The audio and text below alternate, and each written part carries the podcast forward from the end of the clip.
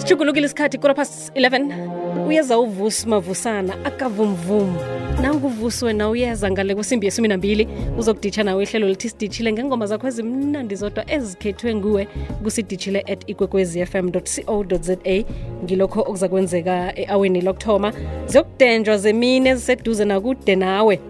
Isikhathi kusesengiso lesi se-lockdown esewula africa siku-level 4 akhe silalele indaba ka-dj tom ngenyanga le yabasebenzi msebenzi kodwana-ke umsebenzi okhethekileko nokukhubazeka ukuthi kwafika njani sizokuzwa kinasi indaba. Beka indlebe. nginguThomas Maxwell Machia indaba yami yathoma ngisesemncane ebutsheni bami. Ngemva kokucalana nazo zonke iintshijilo umuntu omutsha aqalana nazo isikolo ngasithoma njengomunye nomunye umntwana bengayokufika emazingeni wefundo ephakemeko. Nganginamabhudango namaqothelo engifuna ukuphumelela kiwo. Ngizuze nokhunye okuningi. Ngabandulela ubuthitshere endebele college of education. Ngaceda. Uzimu wangenzela umusa. Ngacatshwa emnyangweni wezifundo empumalanga. Ngesikhathi eso impilo beyikhamba kuhle. Bekwaba mhlana amalanga amathathu kuntaka ngo-2003 kwafika abantu beza kimi ngehloso yokungibuka ikoloyi ngokungithathela ngengikhwela akhange bazibuza kabili. Bangidumuza. Bangichiya ngisopha. Ngilele phasi. Ngahlala amalanga asithandathu ngiyathile ngikukhona kodwana ngasinda ekufeni ngaphaphama abodokotere bathi ngendlela engilimele ngakho angekhe ngisakhona ukusebenzisa imilenze yami.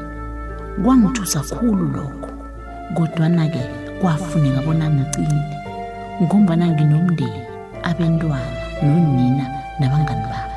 Kwaba sikhathi esidisi empilweni yami. Ngathoma ukwenziswa ihlelo lokungijayeza impilo entsha okuyipilo yokusebenzisa isitulo esikhambako. Ngemva kweenyanga ezintathu ngaphuma esibhedlela ukubana ngiyokucalana nephasi sengimumuntu ohlulileko ngemva kweenyanga ezisithandathu ngabuyela emsebenzini. Kulapha ngacalana khona neentshijilo ezikulu ukwamukeleka ebantwini indlela abangicala ngayo. Nebangiphatha ngayo kodwana-ke akhange ngiphela amandla. Ngabona lapho ukuthi lokhu kufana nokhunye nokhunye ukulimala. Impilo yona kufanele irage. Ngazisunduza ngasebenza ngamandla. Imiphumela yalokho yabonakala nangikhutshulelwa esikhundleni esiphezulu emsebenzini. Ngathumba nabonongorwana. Ngimumuntu onokukhubazeka. Kodwana ngiyasebenza. Ngingusolwazi wezifundo esiphandeni senkangala. Ihloso yomsebenzi wami kuqinisekisa bona abantwana abakhubazekileko bafunyana ifundo ethe tsha eyikhwalithi njengokutsho komthethosisekelo. Kabangaziko ngibizwa ngo-dj tom. Le yindaba yami.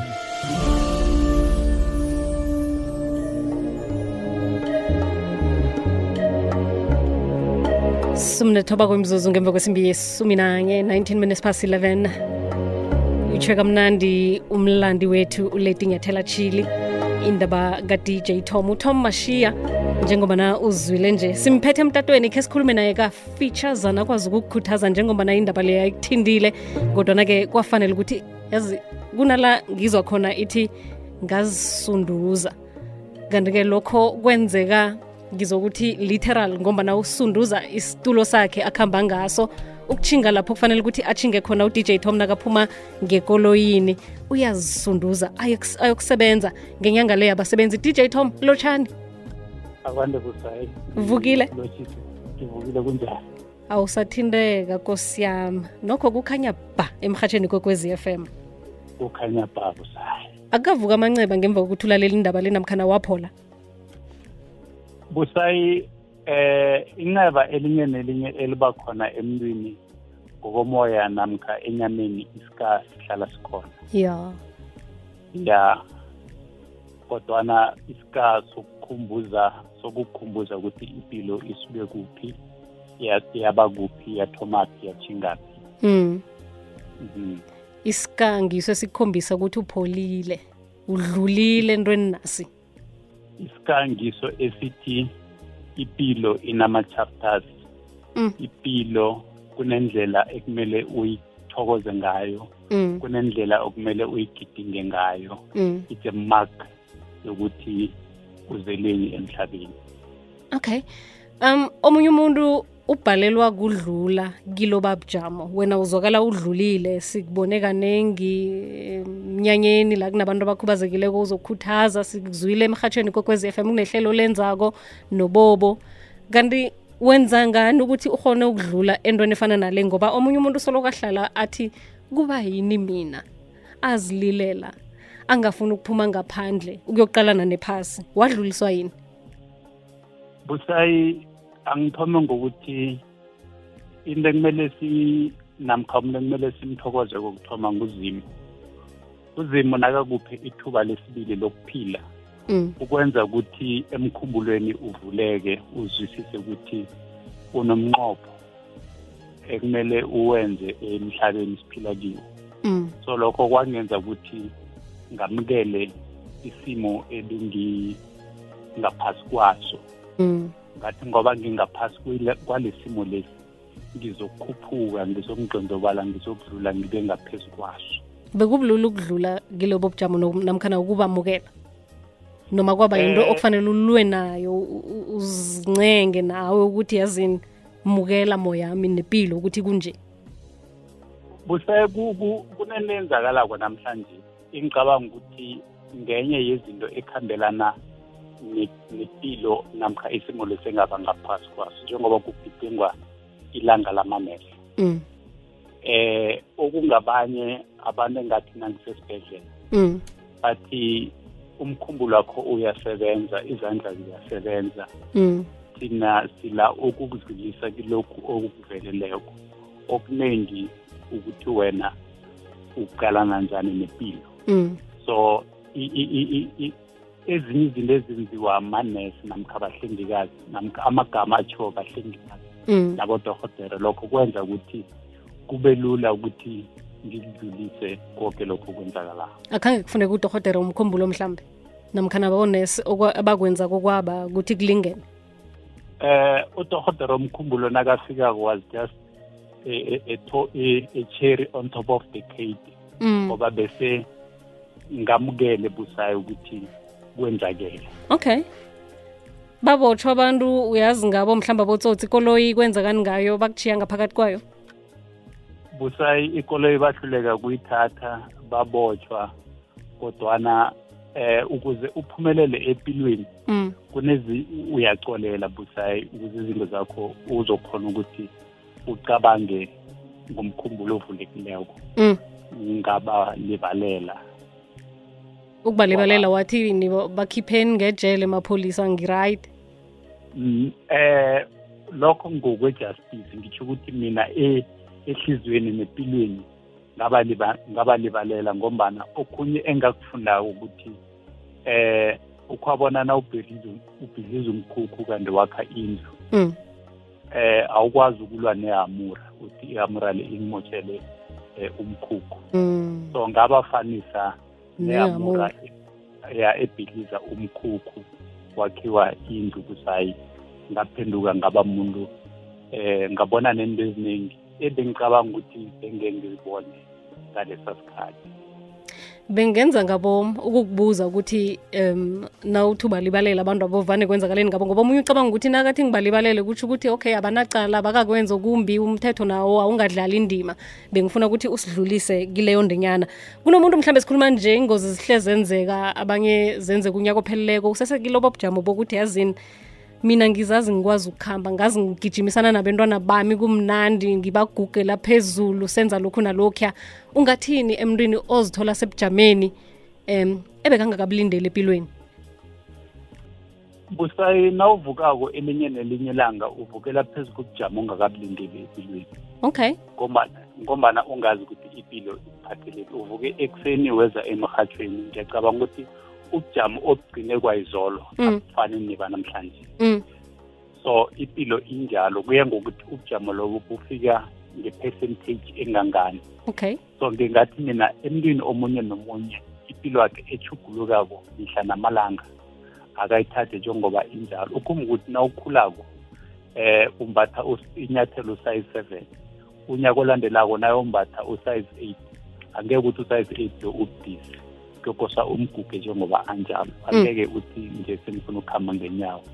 So ubujamo obunye nobunye umuntu ahlangabezana nabo qobe lilanga qobe iri kufanele ukuthi abuthathe njengoba bunjalo aqalane nabo. Ngombana usuke akhule wafika ezingeni lokuthi uzoqalana nobujamo obujengalo namkha obudisi obujengalo njenganje ukuhamba ngesitulo esevili namkhana-ke i-wheelchair isitulo esinamavilo. Na ukuhamba entolo lapho utshinga khona abantu mhlawumbe ubona bakuthatha njani? Kunalokhuya nagade ukuhamba ngeenyawo zakho? Busayi kunabantu abasarareka ukuthi nangumuntu ukuhamba ayedwa nangumuntu uyaziphusha namkha akuhamba nabanye abantu akafuni ukurhelejwa. Eh abantu abafuni ukufunda abantu basaqala ukuthi ukuhamba njani. Eh abaqali wena ukuthi yini lento kosa bayifunde kuwe mm. ukuze nabo nakufika ubujamo ukumasikisi bakhone ukuzijamela.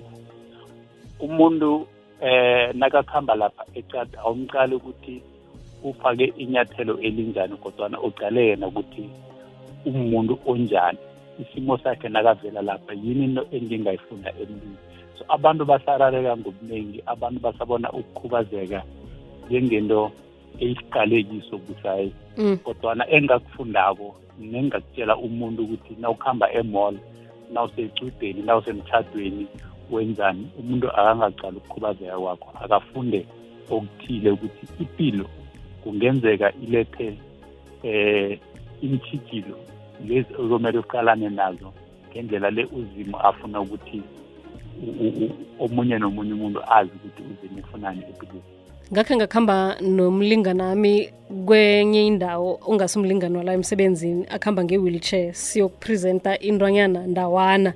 Sathina sifika lapho wabona ukuthi lo esizompresentela ucale mina khulu um okuhamba ngesitulo lo akamthathelele ehloko kuhle khulu. Wavusa ihloko nakathoma ukuyimizwa sekapresenta akhuluma um ngihlala nginizwa nithi umuntu akangacabangi ukuthi umuntu ohlezi phezu kwe-wheelchair emkhumbulweni akhe mhlambe kuthikamezekile into njalo vane kho uyithola busayi sihlangana nayo mihle namalanga eh la ukuhamba khona uthi na ukuhamba nomuntu nicoca umuntu akhulume nalo okuhamba naye. Mm.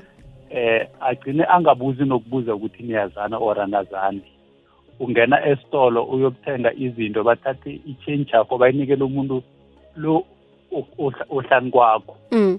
then wena usalorarekile ukuthi mara i-change yami manje niyisephi Mm.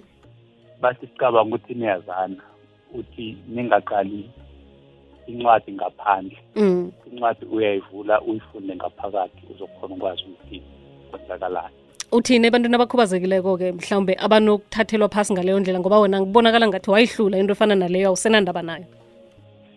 Eh emntwini okhubazekileko busayi ngiyazi ukuthi kune sibabantu asamukeli eh, izimo ngokufana. Mm. kodwana ukuzithinditha kufanele ukuthi sizithindithe sibabantu abakhubazekileko. Okhubazekileko kufanele ukuthi eh azijamele angalindeli ukuthi izinto kumele enzelwe ngomunye umuntu Mm. abe yi-agent of change yena ngokwakhe Mm. lokho kuzomenza ukuthi la akuhamba khona busayi ahlonipheke kuzokwenza ukuthi isithunzi sakhe nobungaye bakhe bubuye busayi ngombana nawulokuthi eh ngesuthu bana bari mphemphe yalapisa Mm. eh iba iba mraro na umuntu okhubazekileko njalo wena isandla sakho singaphambili sikhongozele. Kodwana asiye ngemuva sithathe sinikele omunye kuzokubonakala ukuthi kunomehluko wenzayo ngizule ikulumo itsho ukuthi nabonongorwana unabo. Siyakuthokozisa thombe kodwa siyathokoza ukwaba nathi impilo yakho nomlaleli wekwekwezi f m. Sithembe ukuthi ukhu- ukhuthazekile lapha khona naye. Ngi- ngithokoze khulu busayi ngithokoze khulukhulu nekwekwezi. Eyangipha ithuba engithanda ukusho ukuthi nangifika emhathweni bekungasilula ukukhuluma ngokukhubazeka Mm. ukhulume nesitshaba eh kodwana lokho kwenza ukuthi nen- nendaba le beyisemahlombe yehle ukukhuluma ngesimo lesi okiso kwenza ukuthi zonke izinto zithinge phasi wena Mm. udlondlobale mm. sithokoza dj tom uvalelwe phi eh ngivalelwe kwami alright useseku-level 4 usafuneka ekhaya wena? Eh busayi ngisebenzela ngikhaya zonke izinto engizenzayo ngizenza ngama-email Okay. whatsapp and everything ngi- ngithokele kodwana ngikwami. Dj tom uyazitshayelela nekoloyi noma iy'nyawo zingasasebenzi njalo njengoba kwatshiwo ukuthi azisazokusebenza busayi ngizama ngazo zonke indlela ukuthi la imithetho ivuma khona nasikhuluma nge-inclusion. Mm. nami ngiba khona lapho ngombana nas- nasokhuluma nge-inclusion singafaki umuntu okhubazekileko futhi inclusion ayisebenzi.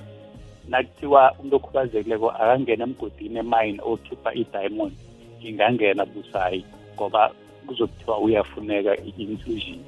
Sithokoza ngikho ngenza ngokusemandleni nangambala udj tom ugidinga nelilanga labahlengikazi uyatsho ukuthi ngadluliswa ngibo kilobu ubujamo. Siyabuya nekondlo yabahlengikazi sibuye nomthandazo ngemva komdlalo womoya othose msamoli mphosa emnyango uyeza umavusana ngale kwesimbi yesumi nambili le f m. Kukhanya bha mina ngingubusayi